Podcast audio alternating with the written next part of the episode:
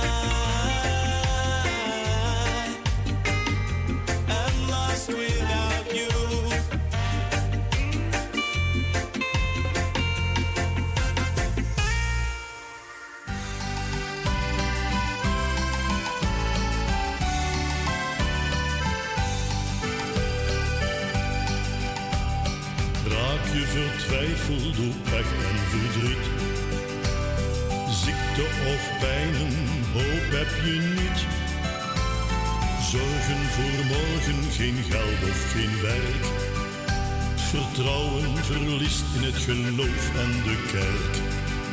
Probeer dan te bidden, zoek kracht bij de Heer. Hij zal je helpen en denk dan maar weer. Er is nog hoop, zolang de zon zal schijnen. Er is nog hoop, zolang er leven is. donkere wolken die zullen gaan verdwijnen.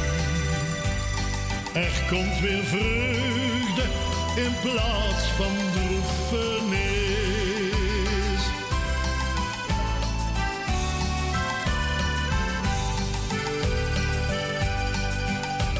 Soms lijkt het leven zo somber en triest. Je weet niet waarheen of waar je voor kiest. Je voelt je zo eenzaam, verlaten, alleen. Gekwetst en ontgoocheld door de mens om je heen. Probeer dan te bidden, zoek kracht bij de Heer. Hij zal je helpen en denk dan maar weer. Er is nog hoop, zolang de zon zal schijnen er is nog hoop, zolang er leven is. Donkere wolken, die zullen gaan verdwijnen. Er komt weer vreugde in plaats van droefenis.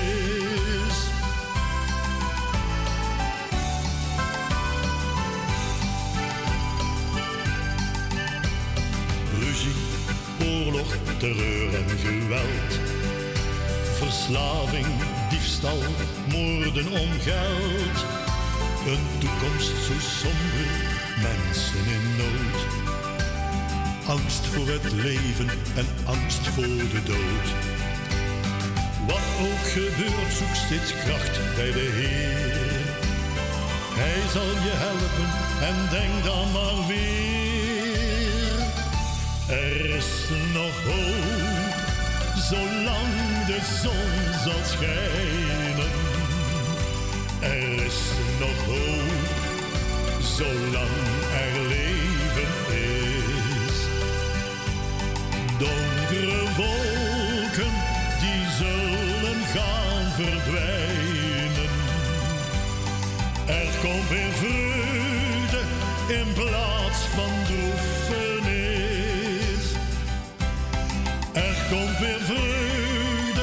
in plaats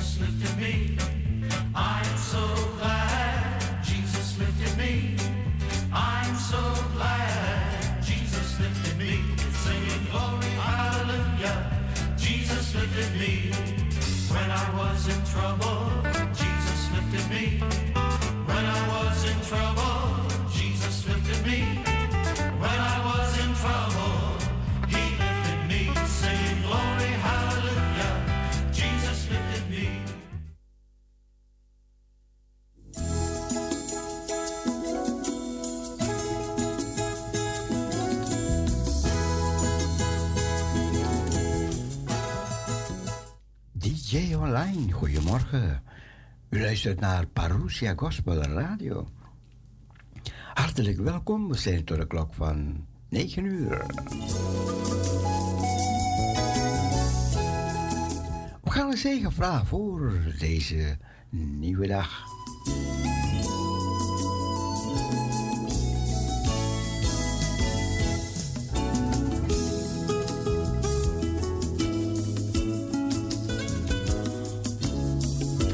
Het is vandaag zaterdag 16 september. Vader, we dragen deze nieuwe dag aan u op. We danken u voor de nacht.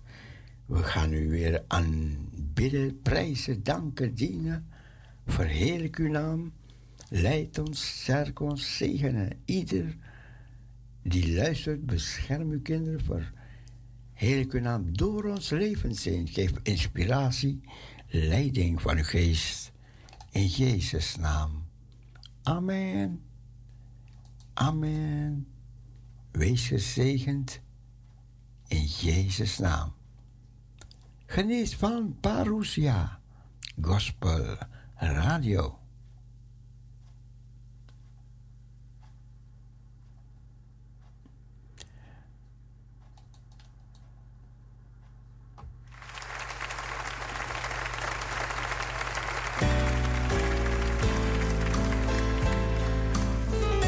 Sheltered in the arms of God.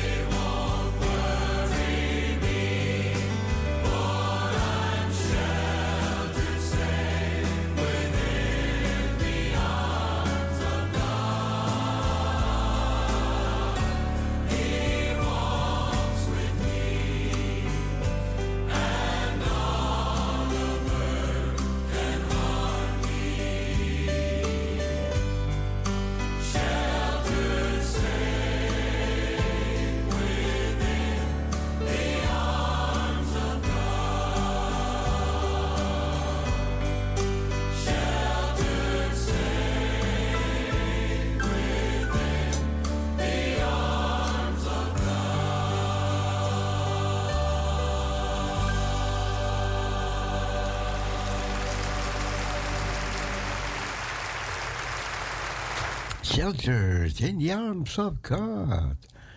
God bless you. I listen to Parousia Gospel Radio. Er is een God die hoort.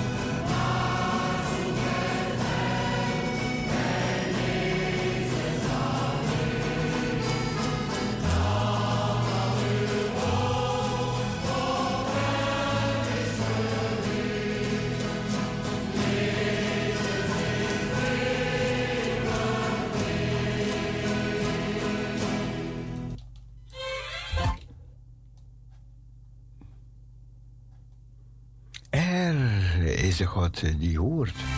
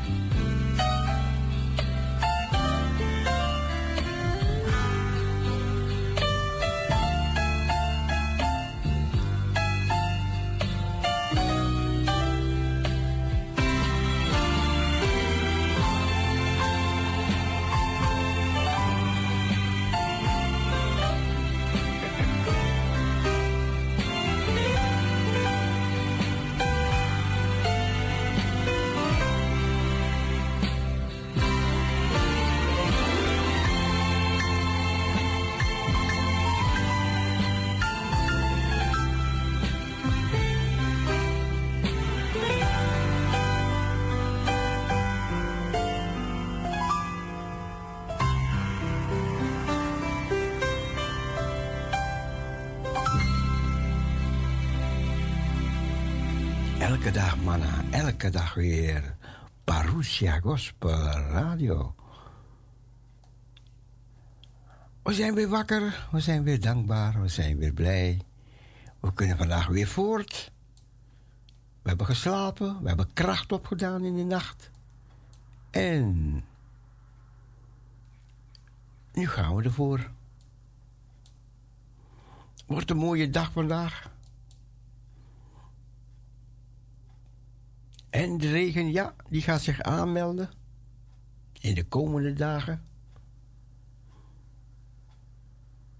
Maar daar hebben we al rekening mee gehouden. Even kijken, ik kan nog één liedje draaien. Ja, kan nog, kan nog. Nog één liedje.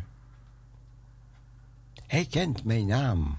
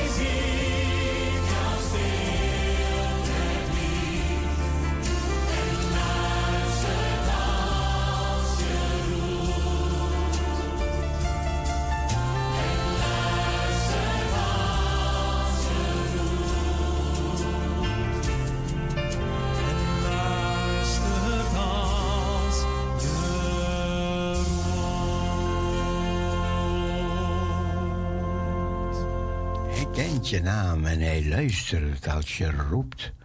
We gaan luisteren naar de dagtekst van vandaag. 16 september 2023. En als je jarig bent, laat het weten. Laat het weten als je jarig bent. Goed.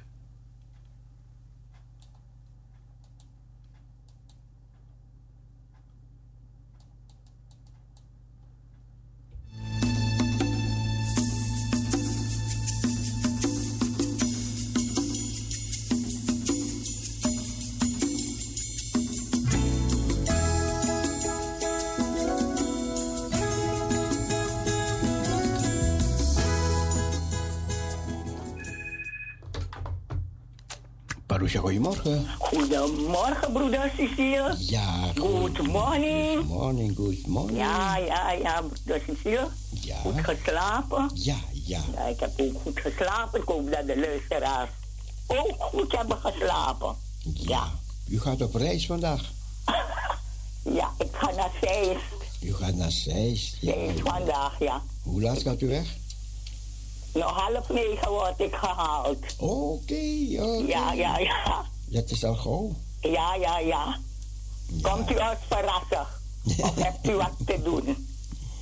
Ja, ik heb wat te doen. Ja, ja, ja, ja. Ja, Ja, het kan.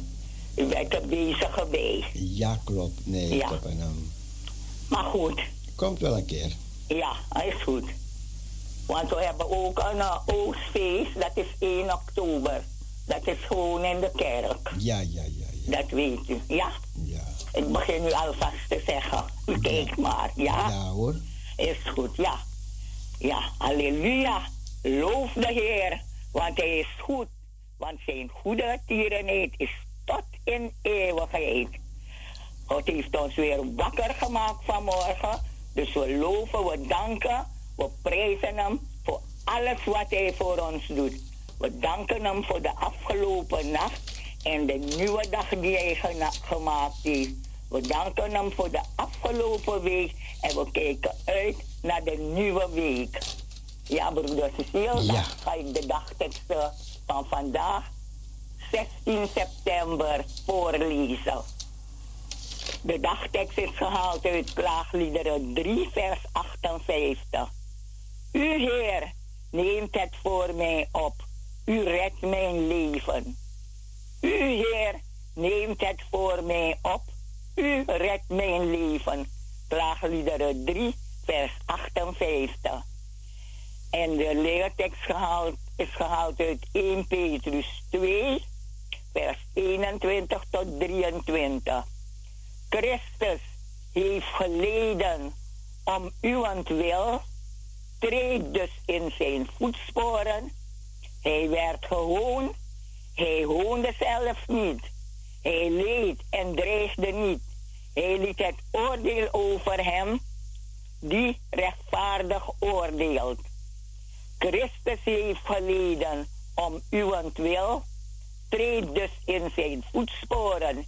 Hij werd gehoond en hoonde zelf niet. Hij leed en dreigde niet.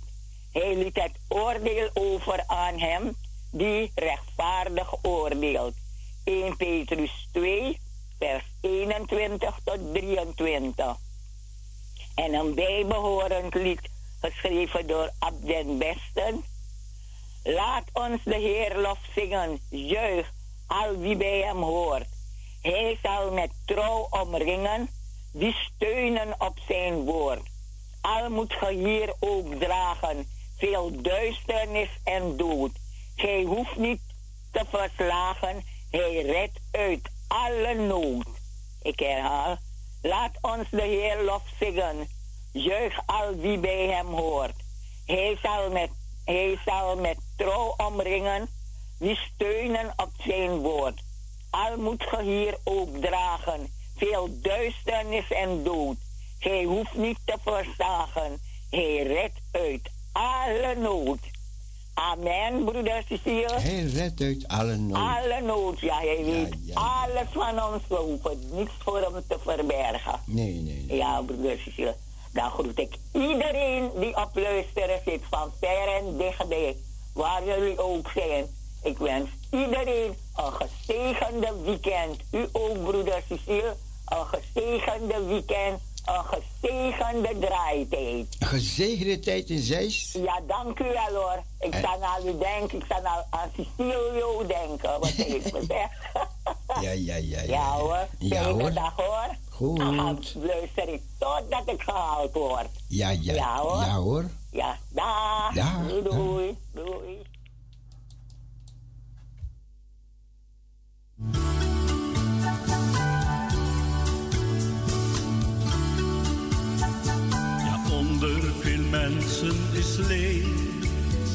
Waar heel vaak zelfs niemand van weet. Zelfs was geen verbitterd verstoord, en mijn lied werd in zorgen gesmoord. Maar een stem klonk door in mijn smaak en hij gaf een nieuw lied in mijn hart. Het was de roepstem van Jezus, ik wist, had mij niet bij herkennen vergist. Bij het kruis liet ik zorgen en smart, want hij gaf een nieuw lied in mijn hart. Gekneld soms in banden der dood, gebukt onder zorgen en nood. Gaan mensen soms dagelijks voort, ja vergetend het woord. Ook ik ging een tijd zonder hem, maar toen werd ik gewekt door een stem. Het was de roepstem van Jezus, ik wist, gaat mij niet herkennen vergist. Bij het kruis liet ik zorgen en smart, want hij gaf een nieuw lied in mijn hart. Herder, hij valt niet in slaap. Hij zoekt het verdwalende schaap. Als hij roept, ga dan af op zijn stem. Want de liefde is het kenmerk van hem. Ja, die roepstem klonk was door mijn smart. En hij gaf een nieuw lied in mijn hart. Het was de roepstem van Jezus, ik. Had mij niet bij herkennen vergist. Bij het kruis liet ik zorgen en smart, want hij gaf een nieuw lied in mijn hart.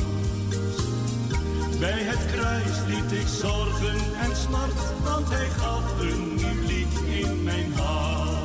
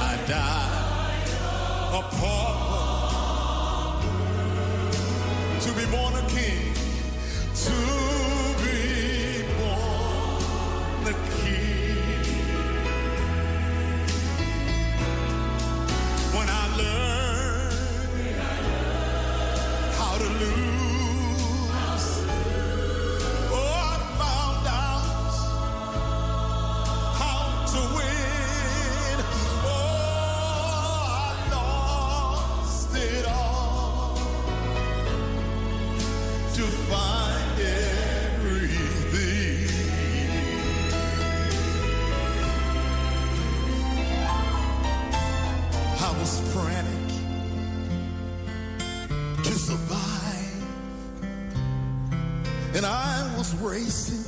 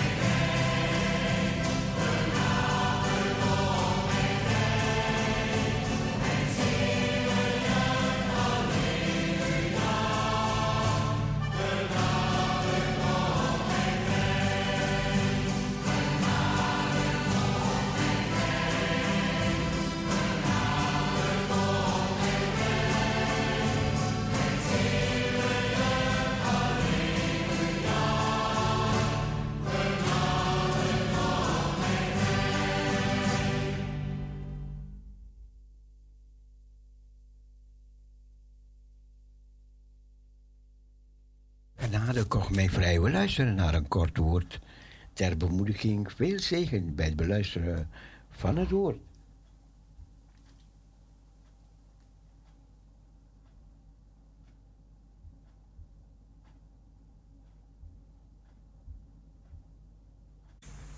Dat is bijzonder. Het, het- klinkt gewoon anders. Het klinkt gewoon anders. En die speelde het zelf ook heel bijzonder dat hij dat speelde. Hij is nog niet eens zo'n hele oude man. Het is, eh, ik denk dat hij 60 is of zo. En eh, ja, prachtig bekend lied om te zingen. Bijbelgetrouw lied. Maar dat... Ach. Maar nu is het afgelopen met lui zijn en feesten. Jullie worden het eerst van allemaal weggehaald en naar een ver land gebracht. Niemand in Israël zal veilig zijn. God, de Heer, de machtige God zegt: Volk van Israël, ik heb genoeg van jullie trots. Ik heb genoeg van jullie paleizen. Daarom zorg ik ervoor dat jullie vijanden de baas over jullie zullen zijn. Over, over Samaria en over alle inwoners van die stad. Mijn besluit staat vast. Misschien denken er dan tien mensen dat ze een veilige plek gevonden hebben. Maar ook die tien zullen sterven. Misschien komt er iemand naar een huis om het dode lichaam van een familielid weg te halen. Hij wil het verbranden. Hij zal dan vragen aan een ander die nog in het huis is: Is er bij jou nog iemand in leven? En die ander zal zeggen: Nee. Maar stil, noem de naam van de Heer niet. Want de Heer hoeft maar één bevel te geven en, al, en alle huizen worden aan stukken geslagen. Israël verandert recht in onrecht. Paden kunnen niet over rotsen rennen.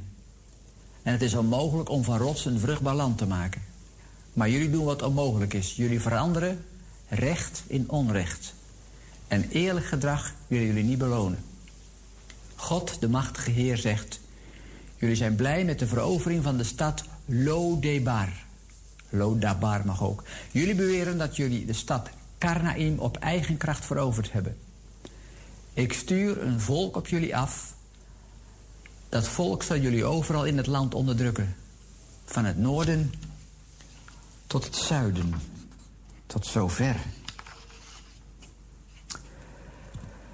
Ja, ik kan nog even heel kort ingaan op de versen die ervoor stonden. Het is nogal een behoorlijke boodschap. En je moet het zo zien, Amos heeft natuurlijk dit boek in zijn geheel geschreven. En wij doen elke keer een gedeelte hoe wij begonnen zijn. Misschien herinnert u zich nog, ik kwam met het kaartje. En hij begon eerst te profeteren over de vijanden van Israël. Amos, over de vijanden. Dus hij als een koopman begon die als het ware te vertellen... nou, daar deugen, die deugen niet en daar loopt het slecht mee af. De Filistijnen, al die andere volken. En toen kwam hij bij hunzelf. Toen dachten ze, nou, wij zijn wel goed. En toen bouwde hij het heel rustig als een, ja, als een, als een koopman op. En nu komt hij hier ondertussen. En weet u, het is een, uh, best een aangrijpend boek. En je zou... Uh, um, dan moet je voorkomen dat je het te veel naar je toe trekt... alsof naar je aanhaalt van nou, dat heeft op mij betrekking. Allereerst is het voor het volk geweest. En het zegt ook van deze tijd iets. En natuurlijk ook voor ons. Wij kunnen er een geestelijke les uit leren. Maar we moeten niet alle dingen die ook specifiek voor Israël van toepassing zijn... Um, rechtstreeks ga ik zeggen, dat is voor mij. Het troost wel en ook andere aspecten. Um, en ze gaan ook een spade dieper. Want hier verlangt het volk namelijk naar de dag des Heren. Nou, de dag des Heren. Dat heeft diverse betekenissen. En zij verwachten dat als de dag des Heren komt... dan wordt er afgerekend met onze vijanden. Eindelijk. En wij, volk des Heren, wij zullen een koning hebben en we zullen regeren. Uh, kijk maar eens bijvoorbeeld toen uh, de heer Jezus uh, zich in het openbaar begon te vertonen... en zij ontdekte dat hij dus de koning zou zijn... hij degene zijn die het volk zou verlossen... daar hadden ze zich helemaal op gefocust. Ze hadden eenzijdig bepaalde teksten, zou ik kunnen zeggen... uit de Bijbel gehaald van hij komt als koning. Maar hij, kwam, hij was gewoon een tegenvaller. Hij kwam als de leidende knecht. Niet voor niks hebben velen die in die tijd, die fariseeën zo, ook gezegd... nou, dit is dus de Christus niet, dat is de Messias niet. Het Joodse volk verwacht nog steeds de Messias. En die, hebben ze, is er nog niet geweest. Deze Messias. Nou, en echte, echte dus, uh, nou, orthodoxe Joden... Nou, daar, kun je dus niet met de Heer Jezus aankomen die geweest is. Dat kunnen ze niet. Dat, daar, is, daar ligt een soort bedekking op een of andere wijze bij velen. Gelukkig komen velen door het licht en zien ze in dat de Christus die zou komen inderdaad is gekomen. Maar goed, hier verwachten ze de komst des Heren oprecht. En ze, en ze zien eruit. Maar ze zijn blind voor andere dingen. En er is volkomen onrecht in het land. God zal zijn koninkrijk vestigen voor de elite, zou je kunnen zeggen. Voor degenen die het goed hebben. En die arme sloebers die ze soms verkochten, soms als hoer uitleverden, die telden niet. Maar ze zullen de vijanden vernietigen. Veel mensen leven in een kokonnetje. Veel rijken, maar ook armen. Ze, in Albanië bijvoorbeeld, waar wij, wij komen... de mensen waar wij zijn, die denken echt dat zij, dat zij gewoon gemaakt zijn... om zo te leven in die armoede. En ze, ze kunnen ook haast niet, ze kunnen ook haast niet vooruitkomen... omdat ze dat verwachten ze gewoon niet. We hebben laatst een... Eh, een, eh, dat, dat, is buiten de stichting gegaan, want we wilden daar zelf geen kosten in steken. Maar een jongen die zeer getalenteerd volleyballer was, naar Nederland gehaald. Kon hij daar zich in een, in een team in Sliedrecht, er zitten hele goede volleybalteams. Hebben, hebben daar. Uh, nou, dat, dat, heeft dus iemand heeft dat gefinancierd, helemaal los van de stichting. Want ik zeg al, wij doen echt armenwerk en het evangelie brengen. En die jongen die was heel goed, maar hij Ja, hij was niks, ik ben niks. Terwijl hij is weer teruggegaan. Er is in hem geïnvesteerd. Omdat hij dacht, nou, dit is, dit is mijn bestemming. Terwijl hij toch zo goed in zijn sport was. Amos gebruikt beelden voor de dag des Heren die onontkoombaar zijn. En die beelden heb ik de vorige keer ook even laten zien. Omdat er geen ontsnapping mogelijk is. Als de Heere spreekt in zijn woord, dan doet hij dat. Gods woord is waar en de schrift is waar. En laat ik even zien het eerste plaatje. Ik heb het net gelezen, je kunt het misschien nog herinneren. Het is zo onontkoombaar dat er geen ontsnapping mogelijk is. Zoals een leeuw zijn prooi vangt, zo zal ook Israël uh, de dag des Heren inderdaad meemaken. En zoals een beer, die er ook bij staat. Nou, die, uh, die jonge man die kan die beer. Uh, ik weet niet hoe het afgelopen is. Is misschien een, misschien wel een plaatje. Maar zoals je van een, uit de berenklauw niet kan ontsnappen. Zo zal ook het volk Israël overal de vijand zien. En zij zelf waren Gods vijand. Nou, misschien dat u dit kent. Van een tv-programma misschien ooit. Ik heb... Even zien. Oh ja, dat komt omdat... Dit... Deze, ja. Ja, dit komt omdat... Um... Oh, op die muur daar. Oké, nog beter. Goed. De Heere God vindt recht en onrecht. Vindt onrecht zo verschrikkelijk. En dan grijpt hij in onontkoombaar met een oordeel. Wanneer zijn volk vroomheid pretendeert. Maar als de levenspraktijk, de dagelijkse levenspraktijk daar los van staat. En laten we nou eens eventjes los, eventjes nu, als wij, laat ik het maar zeggen, de zondag loskoppelen van de rest van de week. Als wij mooie verhalen hebben, dat we eerlijk moeten zijn, maar we zetten een ander af omdat we een koopman zijn. Uh, en je zingt elke week je lied, maar je eigen belang geeft de grootste doorslag. Nou, dan weet je hoe God tegenover je staat. Als recht, als onrecht recht wordt, als wetten veranderd worden. En dan wil ik niet alleen maar wijzen naar onze overheid. Ja, daar kunnen we naar wijzen. Maar kijk eens hoe wij zelf naar, naar anderen kijken. Hoe we met mensen omgaan. Recht en gerechtigheid, dat is zo wezenlijk. Woord en daad, dat is in, het, in de schrift, in, het, in, de, in de Joodse taal, is één woord. Dat is niet los van elkaar. Dat is heel belangrijk. En Israël, die, uh, ja, die, die hield zich daar niet aan. En zeker niet, niet de regeringsleiders. Er is jouw mens, in Micha vind je dat, gezegd wat goed is. Je weet wat de Heer van je wil. Niets anders dan recht te doen, trouw te betrachten en nederig de weg te gaan van je God. De eerste vijf boeken van het Oude Testament, de wetten van Mozes, die staan vol met allerlei wetten en regels, zelfs voor het uithalen van een vogelnestje. Allemaal dingen die met recht en gerechtigheid te maken hebben. Om recht te doen, omdat, er, omdat mensen vaak maar uh, ja, hun eigen belangen nagingen. En ik vind het zo mooi dat en het Oude Testament en het Nieuwe Testament vol staat van Gods heiligheid, van Gods liefde, je naaste liefhebben als jezelf, kinderen die je ouders gehoorzamen, geen overspel, geen onrecht doen aan je geliefde en andere dingen, is echt van wezenlijk belang. En dat lezen we ook in Openbaringen uh, 3. Dit zegt hij, die de zeven geesten van God en de zeven sterren heeft. Ik weet wat u doet. Overal wordt beweerd dat u het leven hebt terwijl u dood bent. Word wakker, versterk uw laatste krachten. U bent op sterven na dood. He, dat wordt tegen de, de kerk gezegd daar. Want ik merk dat uw gedrag tekortschiet in Gods ogen. Herinner u dat u de boodschap hebt ontvangen en begrepen? Houd eraan vast en breek met het leven dat u nu leidt.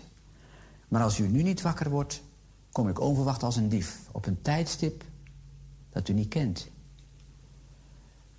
ik denk dus dat mensen die de Heer niet kennen of hun eigen leven leven, dat, die, dat inderdaad de Heer als een dief komt. Dat die de opname gewoon niet meemaken. Dat die, eh, omdat hun leven niet in praktijk is met de schrift, met het leven wat de Heer van ze vraagt. En daar kun je soms zelf blind voor zijn. En soms moet een ander dat tegen je zeggen. Joh, weet je, dat doe je nou elke keer.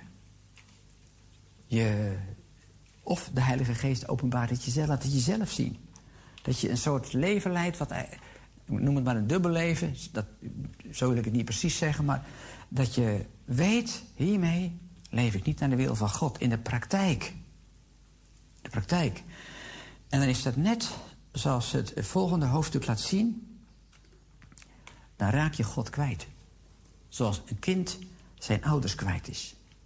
Bij Ikea bijvoorbeeld. En voor een kind is dat een verschrikking. Weet je, geen raad. Waar, dat was al het eerste waar we benauwd voor waren. Onze, onze, kleine jongens. Als, als ze ergens in een drukke omgeving waren. En je, je vergeet ze eventjes. En dan zijn ze je kwijt. En dan maakten we de afspraak. Blijf altijd staan waar je bent. En word niet bang. Maar als een kind de weg kwijt is, wordt ze radeloos. Gaat huilen. En gelukkig, als er niet met iemand meegenomen wordt, als het bij in is, is het in een gebouw, dat is niet zo heel gevaarlijk. En dan wordt de naam omgeroepen. En ouders zijn natuurlijk heel opgelucht als ze de naam van het kind horen. Want dat is de naam die het kind bij hen brengt. Dus als hun naam opgeroepen wordt, blijken ze reddend en verlossend aanwezig te zijn. Daarom roept een kind ook altijd, als hij een normale relatie, een goede relatie met zijn ouders heeft, altijd om zijn vader of moeder. Meestal zijn moeder, geloof ik. En wie van de twee hangt af van de omstandigheden. Als grote jongens iets uh, willen doen, willen ze, zullen ze misschien pa roepen. Maar een kind, zijn moeder. Maar als het kind roept omdat het verwacht dat de ouders op zijn roepen zullen komen om te troosten, maar ze komen niet, dan is er wat aan de hand. Yahweh heeft zijn naam ook bekendgemaakt om ons de gelegenheid te geven hem te roepen in onze angst, in eenzaamheid en verdriet. De Heere God mag je, Gerard, altijd aanroepen. In nood, in verdriet, maar ook in blijdschap. Roep hem aan. Jawel, prima. Wij kennen de Heere God of Heere Jezus. Roep mijn naam maar. Je zult zien dat ik niet alleen Yahweh heet, maar ook Yahweh ben. Ik ben present, dat betekent Yahweh. Ik ben. Ik heb het nooit goed begrepen, maar hij is Yahweh. Wij hebben allemaal een naam gekregen en als je als je, je naam hoort noemen, dan kijk je gelijk achterom. Dat ben je. Nou, de Heer is Yahweh. De Joden het vaak niet te, te, te, schrijven of uit te spreken zelfs. Daarom deden ze alleen maar met medeklinkers. Maar je moet als kind wel op hem vertrouwen. Dat je roepen gehoord wordt. Dan moet je ook hulp van hem verwachten. En als dat vertrouwen en die, en, en die verwachtingen er niet zijn, dan roep je niet. Dan geloof je dat niet. Je denkt van ja, het zal wel waar wezen. Heel veel mensen waar ik mee in gesprek kom, ongelovige collega's, zeggen ja, ja jij gelooft. Dat, is, dat, dat, dat heb je meegekregen. En dan zeg ik wel eens, je mag het ook uitproberen. Roep God aan. Niet als trucje of als kunstje. Of van nou, als iemand zei wel eens, als deze tafel, als deze tafel in goud verandert, als God dat doet, dan ga ik geloven. Weet je, dat soort, dat soort fratsen. Dat is natuurlijk op zichzelf, dan voel je je klem gezet. Maar roep de Heer maar eens aan, terwijl, je, terwijl mensen helemaal nooit, dat nooit gedaan hebben. En daarom is dit hoofdstuk in uh, Amos een tegenhanger van Joel 2. Amos 6 is toch wel een beetje uh, deprimerend als je het leest. Er lijkt wel geen hoop te zijn. Omdat Amos de boodschap hard brengt. In Joel lees je het anders, dat zullen we zo ook nog lezen. Bij Joel redt het aanroepen van de naam van Yahweh van de ondergang op de verschrikkelijke dag van hem. Bij Amos gaat het over de dag van Yahweh. Ook bij hem is, over, is dag van oordeel. Maar bij Joël zien we dat als je je hart verandert, ondanks dat je zo ver bent afgedwaald, ook al is je gerechtigheid er niet meer, als recht meer, dat de Heer dan weer luistert. Maar goed, het gedeelte wat we nu lezen wil ik verder bespreken. Maar dit is gericht tegen de zorgelozen. En dan mag de boodschap soms heel hard zijn. Niet, niet zonder hart, maar uh, rijke mensen, of mensen die, die, die elite in het land, die geen omkijken hadden, die zo hard waren, die niet meer zagen de nood van het volk, die mag je best met harde woorden aanpakken. Want uiteindelijk zegt, uh, zegt uh, Amos dat ze niet voorbereid zijn op de dag van de Heer. Dit is een soort voorbeeld van de dag des Heren in het Oude Testament. Weet je nog? Bij de uittocht van Egypte. Dat iedereen, elk Joodse vader, elk Joods gezin... op de deurpost een lammetje moest slachten. Een volmaakt eenjarig lam. En de bloed op de deurpost moest smeren. Aan de buitenkant. Niet aan de binnenkant. Aan de binnenkant zagen ze het ook niet. Denk ik, misschien willen ze klein, dat er een vlekje of, of een druppeltje hing. Maar aan de binnenkant zagen ze niks, dat is puur aan de buitenkant. Het ging erom dat God het zag. Op die dag deed je het niet. Dacht je, het is toch niet waar. Dat is zulke onzin. Wie gaat er nou bloed van een lam smeren? Ik, ik, lees het niet in de Bijbel, maar stel dat er in, in Israël mensen waren geweest die het niet deden. Nou, dan waren er ook. Dan was hun oudste, een eerstgeboren zoon, die werd gedood. Er waren er van de Egyptenaren, dat lees je wel, die gingen ook mee. Een enkele proselieten die dus echt het Joodse volk al toebehoorden, die het wel gedaan zullen hebben. Het was een geloofsstap. Je moest het wel aanvaarden. En geloven is een stap zetten. Je voelde het niet. Max Monier kon dat zo heel mooi zeggen. Je, het bloed bedekte je. Niet jouw gevoel. Niet jouw gevoel of uw gevoel dat je zonden vergeven zijn. Dat is, het is fijn als je dat kan voelen, dat gebeurt ook wel. Maar je weet het. God ziet dat. Dit was een dag van gericht. Een dag van gericht, maar de engel kwam langs en hij doodde elke eerstgeborene. En dat zag je dus bij de farao. Een dag waar je op moest voorbereiden. Weten wij, als die dag komt, dat wij voorbereid zijn. Dat onze zonden vergeven zijn, dat ze rein zijn, voor zover we weten. Je moet niet gaan zoeken en gaan vervroeten en gaan denken... oh, hoe zit dat en dat moet ik uitvogelen. Dat maakt de Heer duidelijk. Als je open staat voor Hem, als je rein bent voor Hem dan is enkel het bloed. Dan mag je het bloed van de Heer Jezus aanroepen. En dat vergeeft. En ik zeg al, soms is dat een heerlijk bevrijdend gevoel. Maar vooral, je mag het weten. Je mag het weten. Oh ja, daarnaast, ja, ik, ik laat even nog daarnaast zien. Oh. Dat is eigenlijk een beetje de echte dag des Heren. Een beetje een beeld wat ik vond hoe dat wel niet moet zijn. Als echt de dag des Heer er is, de dag van het oordeel. En als je, eh, niet, niet de, de opname, maar de dag van hem. Als hij gerecht, recht en gerechtigheid laat plaatsvinden.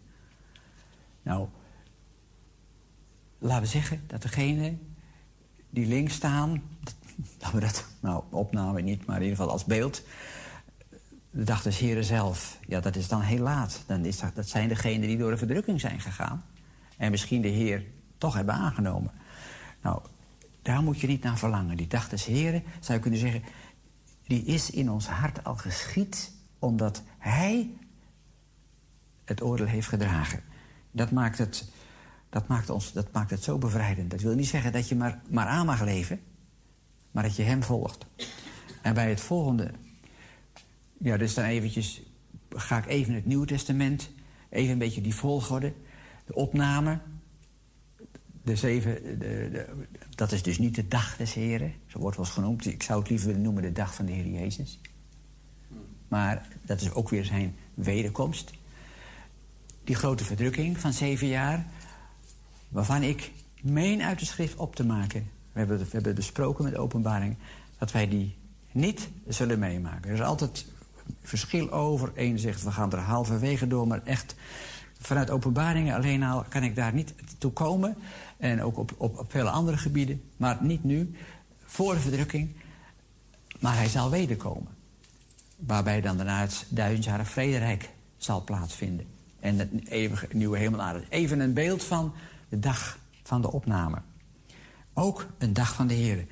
Verwachten wij die dag dat we opgenomen worden? En stel, stel dat, het in het, dat we ons toch vergist hebben in het feit dat we dat verkeerd geïnterpreteerd hebben. Dan nog, dan nog mogen we weten dat we verlost zijn door het bloed van de Heer Jezus Christus. Ik denk, ik, ik denk niet dat we het verkeerd hebben, maar we moeten ook e-, eerlijk zijn. Maar zoals het God het zegt, wie gelooft, heeft eeuwig leven.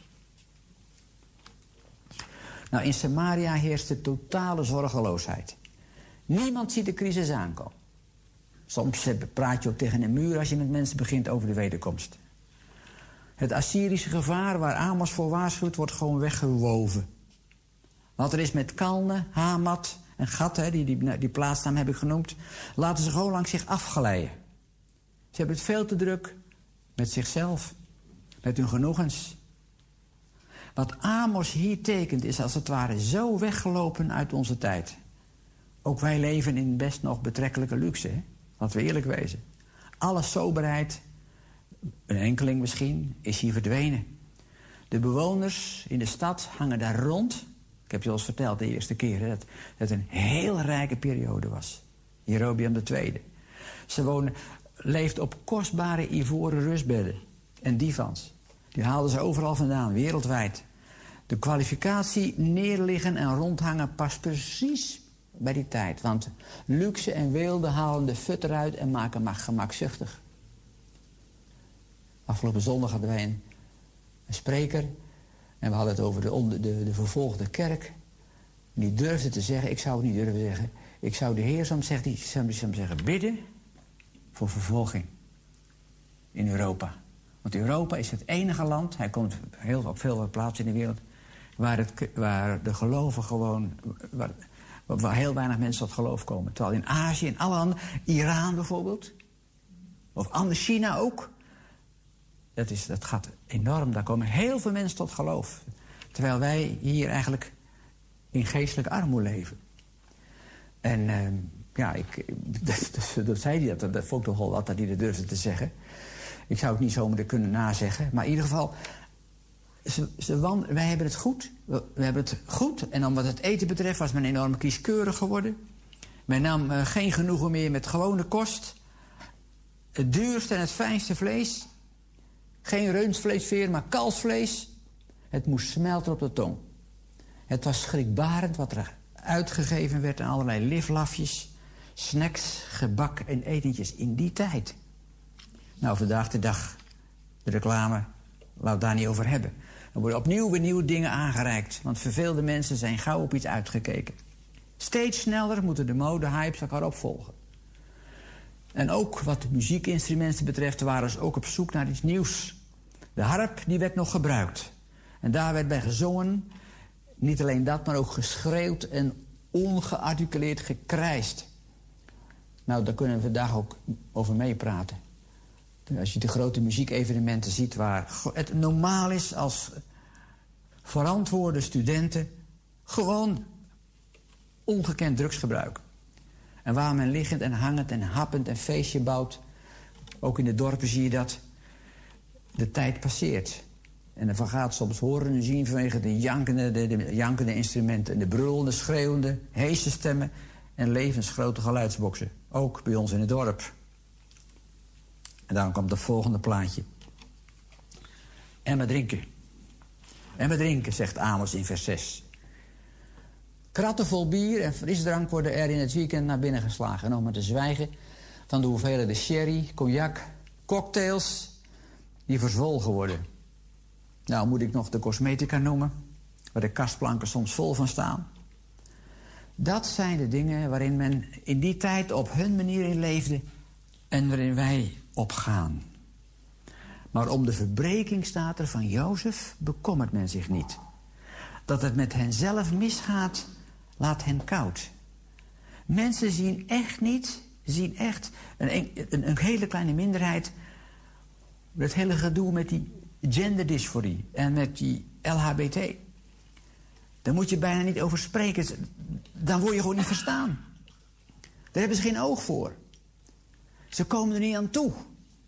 Veel te druk met het organiseren en nalopen van eten- en drinkpartijtjes... met het bedenken van weer eens iets nieuws. Sociale media. Gokverslaving. Vakanties. Maar dat mag toch wel? Je mag toch wel van je welvaart gebruik maken en ervan genieten? Ja, natuurlijk. Maar het gaat erom, waar is je leven mee gevuld? Waar ga je in op? Je zult een keer opschrikken uit het leventje waarin je opgaat. Want doet dit nog, ons nog wat? Als we ziet, zien hoe het gaat met de gemeente van de Heer Jezus Christus, met de kerken. Hoe gaat het met de kennis van God en zijn woord? Wie is nog echt bezig in zijn vrije tijd? Je zegt niet in al je vrije tijd. Om echt met het woord van God bezig te zijn te onderzoeken. Heel veel mensen geloven helemaal niet dat het woord waar is. Maar doorzoeken ze het, aanvaarden ze het woord. Het niveau van Gods woord. Maakt het ons onrustig of gaan we cynisch en kritisch worden? Twijfelende vragen erover stellen en zeggen: ja, maar dat kan niet kloppen. Maakt ons soms de situatie van de gemeente van de Jezus Christus in Europa, maar ook in Nederland of in Amsterdam niet, niet onrustig? Er zijn niet gelukkig nog kerken. Maar hoe komt dat in grote steden? En gelukkig zijn ze er nog, daar ben ik dankbaar voor. Ook, ook kerken waar het woord van God gebracht wordt. Maar dat daar zo weinig is. Of zeggen we, het komt wel goed. Nou, in Samaria waren ze zorgeloos. Ze zeiden, niets aan de hand. Totdat ze op hardhandige wijze werden opgeschrikt. Hoe erg dat zal zijn, maakt Amos duidelijk met een voorbeeld. Dan zegt hij, dan komt de dood over de stad. Dus hij is, voor die tijd, sociale media, was hij heel erg duidelijk. Moeten toch mensen onder de indruk zijn geweest. Hij komt de weelderige, kostbare bungalows binnen en treft iedereen, zegt hij. En ook als er ergens in een huis tien mensen, zo staat het letterlijk, ik heb het net gelezen, aan de dood ontsnappen. En dat huis de dans lijkt ontspringen, dan zullen ze uiteindelijk toch nog de dood vinden. En dan neemt u ons even zo'n huis binnen.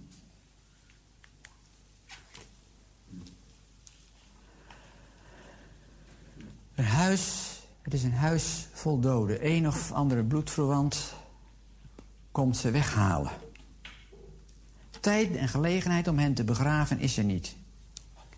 Ze worden het huis uitgesleept om verbrand te worden. Maar blijkbaar zit er nog één overlevende achter in het huis in een hoekje weggedoken. En naar zijn bloedverwant roept, zo hebben we net gelezen... is er nog iemand bij je? En de overlevende antwoordt nee. Daarop zegt de bloedverwant... stil, zeg maar niets meer. Want men zal de naam van Yahweh niet durven uitspreken. Men zal die naam zelfs niet durven noemen en aanroepen. Ik vind het een wat geheimzinnige tekst. Maar laat het helder zijn. Het aanroepen van de naam van de Heer, zo lees ik dat dan... betekent voor deze mensen blijkbaar geen behoud meer. Het is te laat. Het is te laat. Er is een situatie ontstaan waarin het aanroepen van die naam niets uithaalt. Hoe kan het dan? Joel zegt dat wie de naam van Yahweh aanroept gered zal worden. Amos zegt, als het oordeel komt, is er alleen maar angst voor Yahweh. Wat is het verschil? Omdat we bij Joel, dat zullen we zo ook nog lezen... omdat we bij Joel een totale bekering zien van hart en leden. De mensen die de Heer Jezus willen geloven... geloven Hem en krijgen Hem lief... en verwachten het totaal van Hem. Dat is het verschil. Je kunt naar de kerk gaan, je kunt in de Bijbel lezen... maar Hem niet toebehoren. En sommige zware kerkgenoten gaan dan ineens twijfelen: ben ik, hoor ik er wel bij? Nee, dat is er hier niet. Maar behoren wij hem toe? In de dingen die we doen, heeft hij echt de eerste plaats. En vanuit die houding roepen ze hem aan. En dan worden ze gered. Bij Amos is sprake van mensen die zich niet werkelijk op Yahweh oriënteren. Een soort blinde vlek hebben ze ervoor. Ze hebben een blinde vlek voor hun daden. Dat is zo wonderlijk. Dat die mensen heb je gewoon, die zijn blind voor hun leven, terwijl ze toch wel God dienen.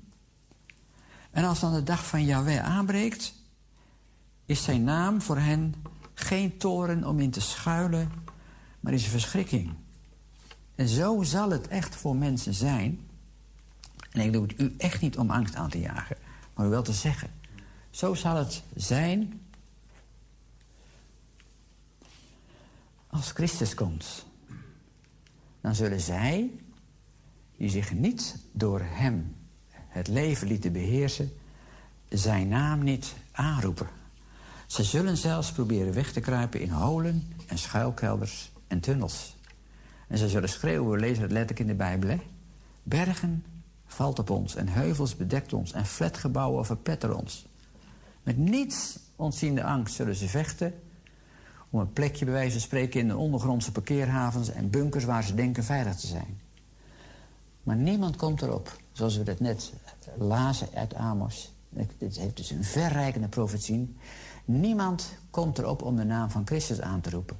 Dat zien we ook in de periode dat we openbaringen behandelden. Dan worden de oordelen zo erg, maar niemand denkt eraan om. De, is er geen God die we aanroepen? Weet u, de hele wereld, de hele wetenschap is gebaseerd op evolutie zonder God. Vanzelf ontstaan en uiteindelijk het leven is zinloos. Nergens wordt God erbij gehaald. Dus hun leven is volkomen totaal goddeloos. En als er iets is, oké, dan zal er misschien een, iemand geweest zijn, maar allemaal vanzelf gebeurt. Christus roepen ze niet aan. Weet u, als je dan Christus wil aanroepen, moet je het nu al doen in je dagelijkse leven. Moet je nu met hem wandelen. Niet. Ik heb niet over in de houding staan als een soldaat in het leger en zo, dwangmatig, maar een verlangen hebben ernaar. Daarvoor hebben Yahweh en Jezus ons hun naam gegeven. Niet om op een of andere magische wijze te gebruiken, maar om aan te roepen zoals een kind het om zijn vader en moeder roept. Abba, vader. Zo'n kind doet dat omdat zijn vader en moeder realiteiten zijn in, zijn leven. Je kent vaderloze kinderen die geen vader hebben.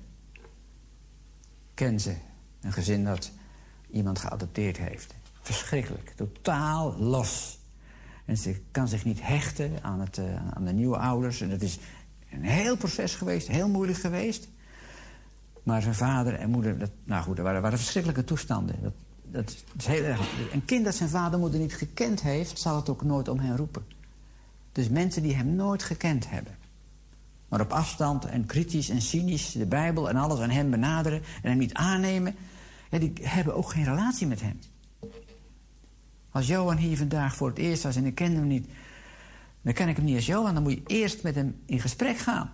En weten wie hij is en over en weer van wie doe je en wie ben je. En nog één keer geeft Amos aan waarom dat oordeel komt. Omdat het recht met voeten wordt getreden. En dat is niet alleen maar dat er onrecht is, maar men weet niet meer wat recht en onrecht is. Men weet niet meer wat, als je bijvoorbeeld de tien geboden hebt, dat, dat, dat, ziet er zo mooi uit. Sommige mensen die zeggen, ja, dat wordt in de kerk gelezen, dat is de wet. Maar als je goed naar de tien geboden kijkt, hoe bijzonder dat is, hoe een beeld van God wordt neergezet. Dat je alleen de Heer mag volgen. De Heer eist het recht op, ik ben de enige. Ik ben de enige die je mag eren. Ik ben God, ik heb jou gemaakt. En dat je een andermans bezittingen respecteert. En dat je je ouders lief hebt. En dat je niet begeert wat een ander ook heeft. Allemaal dingen die heel duidelijk een beeld geven van wie God is. En nog één keer geeft Amos aan waarom. Ik zei al, het recht wordt met voeten getreden. De regels die de Heer gegeven had om het leven van zijn kinderen te beschermen. En die race zegt dat ook. Als je me lief hebt, dan doe je mijn geboden. Discipelen, jullie zijn mijn vrienden als je doet wat ik zeg. Dat staat zo dwingend, hè? Maar je moet nadenken. Dat is het leven voor je. Als hij jou kan zeggen en jij doet dat, dan heb je leven. Hij geeft leefruimte. Maar als je het woord van God verwoordt tot een, nou wat hier in Israël gebeurt, tot een, een, een, machtige club van rijke klassen, die het leven van de zwakken insnoert. En die zwakken denken dat het zo hoort uiteindelijk. En ook nog denken dat de Heer aan jouw kant staat. Zoals we, nou, zoals we zien bij overheden, bij World Forum en al die andere dingen. Maar, zegt Israël, kijk eens naar onze successen. Bij Lodebaar en Karnaim, zeiden ze. Nou, dat waren inderdaad successen, die heroveringen van die stadjes. Kijk maar.